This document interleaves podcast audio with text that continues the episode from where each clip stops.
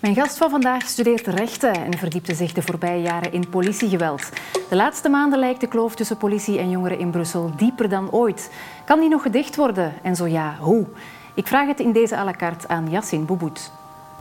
Mogen we nog trots zijn op onze stad? Is Brussel klaar voor de toekomst? Waar blijft die ambitie? Wat zeggen de cijfers? Hoe dan? Bent u dan verantwoordelijk? Is dat nu zo moeilijk?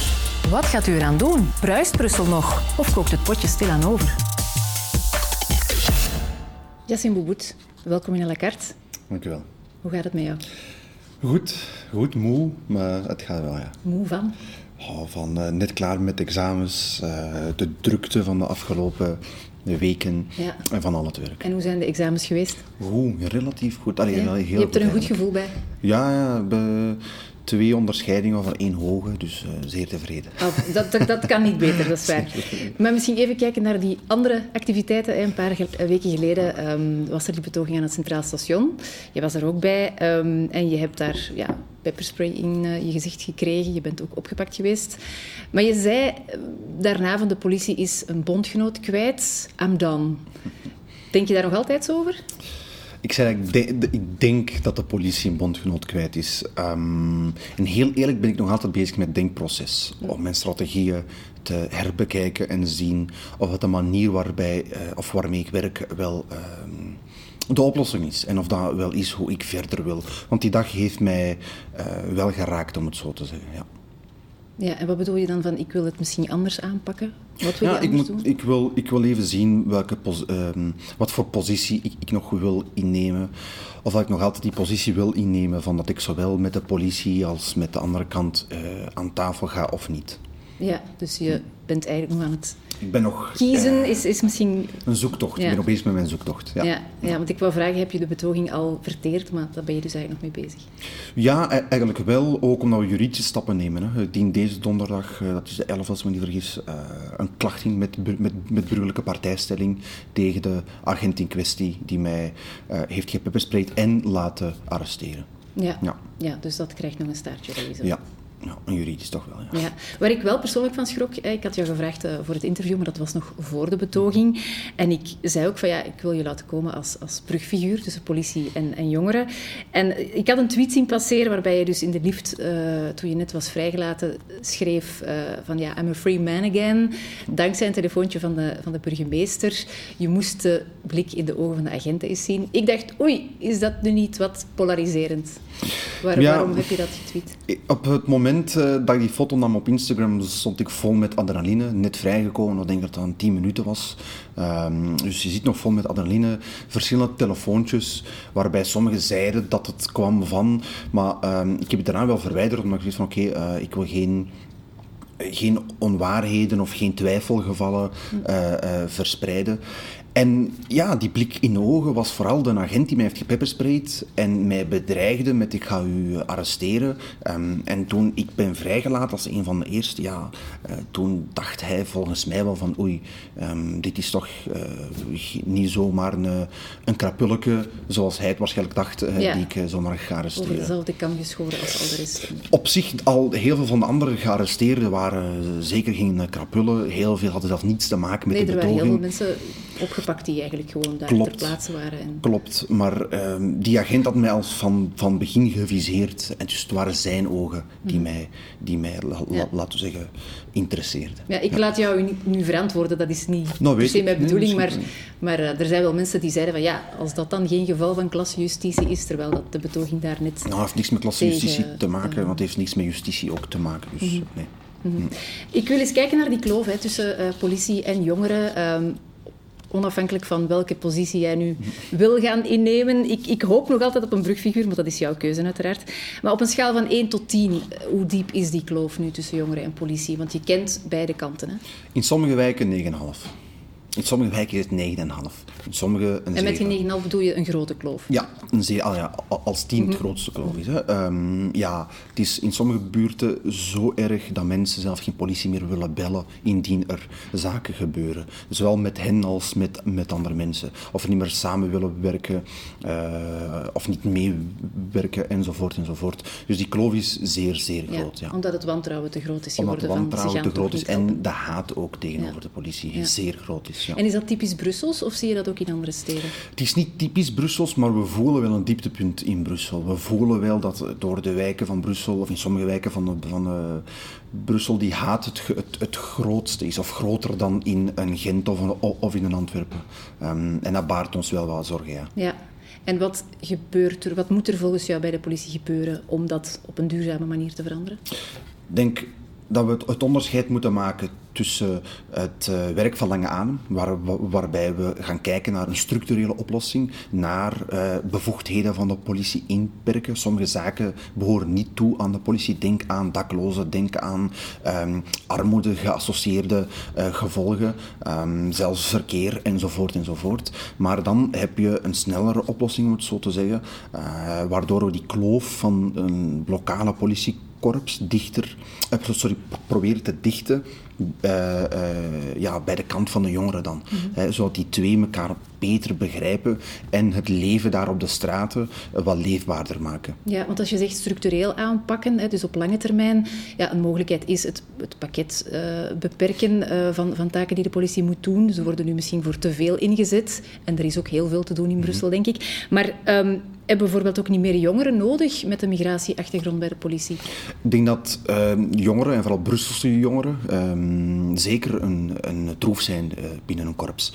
Maar spijtig genoeg bereiken heel veel korpsen die niet echt heel veel willen dan niet, of willen zeker niet meer in Brussel gaan werken omwille van verschillende redenen. En wie wil dat niet? Bedoel je de, de, diegenen die opgeleid zijn tot agenten of de jongeren? Nee, de jongeren. De jongeren, um, de jongeren die hier in Brussel wonen, je hebt toch een gevoel dat, dat ze niet echt zeggen, ah, ik wil later politie, man of vrouw uh, worden.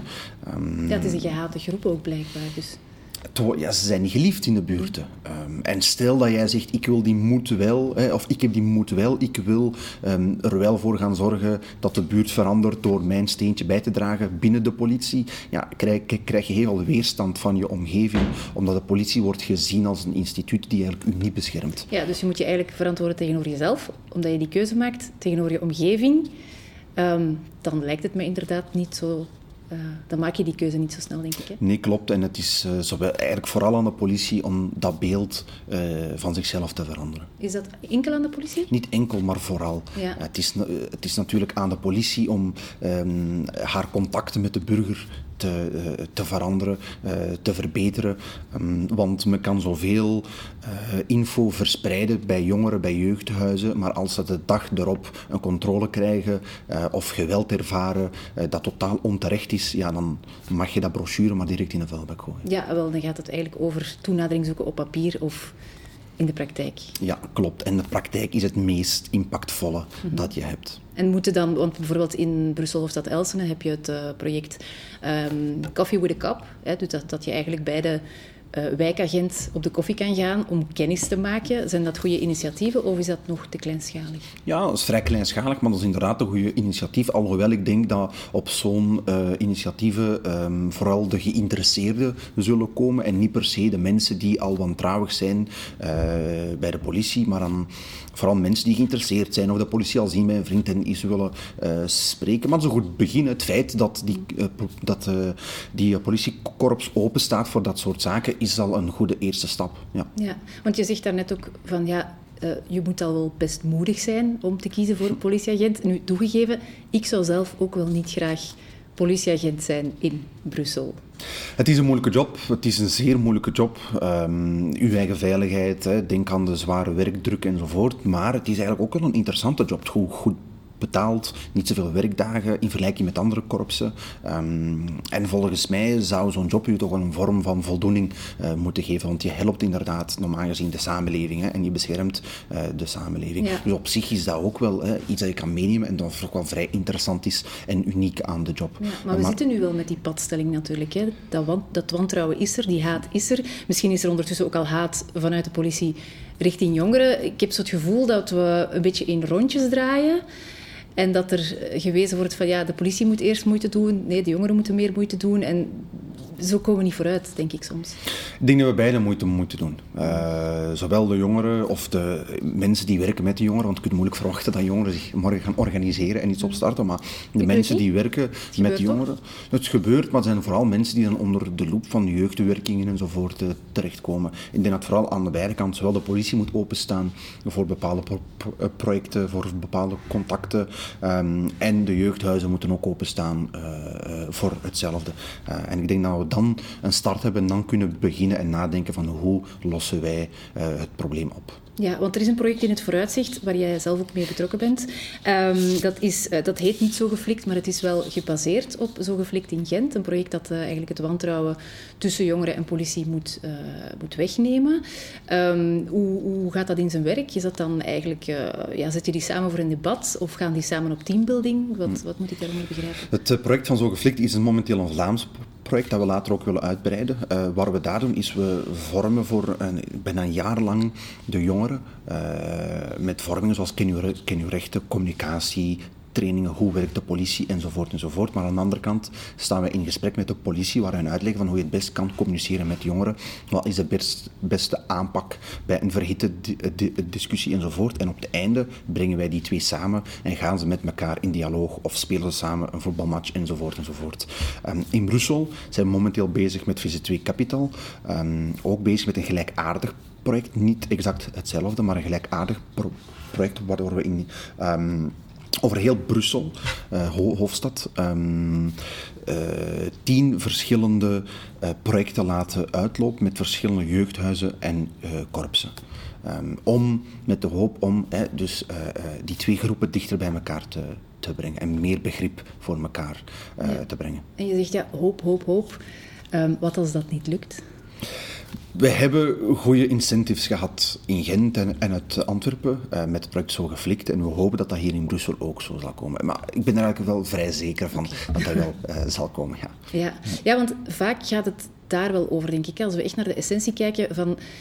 Um, ik begrijp de woede van jongeren. Hè, als er, als er uh, racisme heerst of als er aan etnisch profileren wordt gedaan. Um, ik ga dat ook niet ontkennen. Dat, dat, allee, ik denk dat er genoeg getuigenissen zijn. Maar... Um, is er geen andere taal dan de taal van het geweld.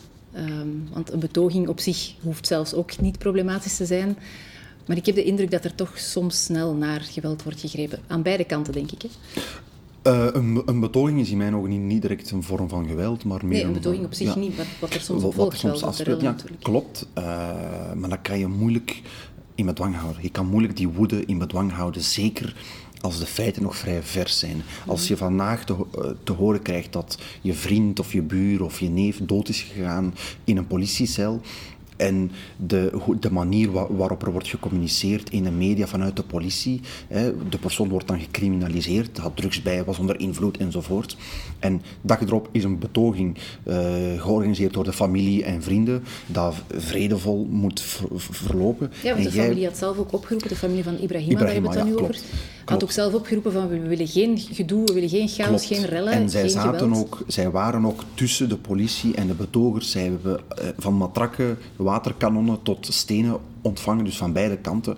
En ze hebben geprobeerd om de boel daar te kalmeren, maar dat was niet, dat, dat was niet gelukt. Heel veel jongeren... je niet, niet iets te mild voor de jongeren? Want ik begrijp de woede, absoluut. Maar het is toch eigenlijk wel straf dat als de familie al zegt van wij willen geen geweld en allez, zij zijn de, de dichtst betrokkenen, dat dan andere jongeren zich wel geroepen voelen om geweld te gebruiken. Ik, moet, ik begrijp de woede, hè, maar ik moet even verduidelijken dat, ervan is ja, ik, ik, ik moet even verduidelijken dat um, ik op geen enkele manier de, de rellen goed spreek. Hè. Rellen moeten niet gebeuren, punt. Uh, dat blijven criminele feiten, punt. Um, maar ik probeer te verduidelijken van waar die woede komt, waarom die jongeren opeens beslissen om stenen te gooien. Want men denkt echt soms dat die jongeren opstaan en denken: ik ga vandaag voor niets zomaar iemand slaan of een ruit um, inslaan. Dat denk ik niet, maar ik denk wel dat, er, dat je altijd verantwoordelijk bent voor je eigen gedrag. Um, niet voor wat dat je voelt. Hè. Als, die woede, als je je woede voelt, dan moet je die zeker kunnen um, uiten. Maar de manier waarop je die uit, daar ben je wel zelf verantwoordelijk voor. Ah, tuurlijk, hè, tuurlijk. Die, en ze zullen vast en zeker ook gestraft worden voor de manier waarop zij hun, hun woede hebben geuit. En dat is de taak van justitie die haar, dan, uh, die haar werk dan moet doen. Maar het is onze taak als medeburger, als, als activist, um, om te gaan kijken van hoe kunnen we dit voorkomen. In plaats van telkens maar te reageren op dit soort zaken. Ik praat niet graag over de rellen, omdat dat een reactie is. Want je, men zoekt dan er, uh, alleen maar een reactie op de rellen. Ja, en dan heb je een reactie op een reactie. Een reactie op, en dan kan je jaren, decennia uh, doorgaan. Terwijl ik vooral wil, wil kijken naar hoe kunnen we ervoor zorgen dat de eerstvolgende keer, als er een betoging is of whatever, um, dat je geen rellen meer hebt. Daar liggen mijn interesse. Yassine Beboet, bedankt om naar Alakar te komen. En bedankt ook voor het kijken. Lucas die is er weer na de krokusvakantie.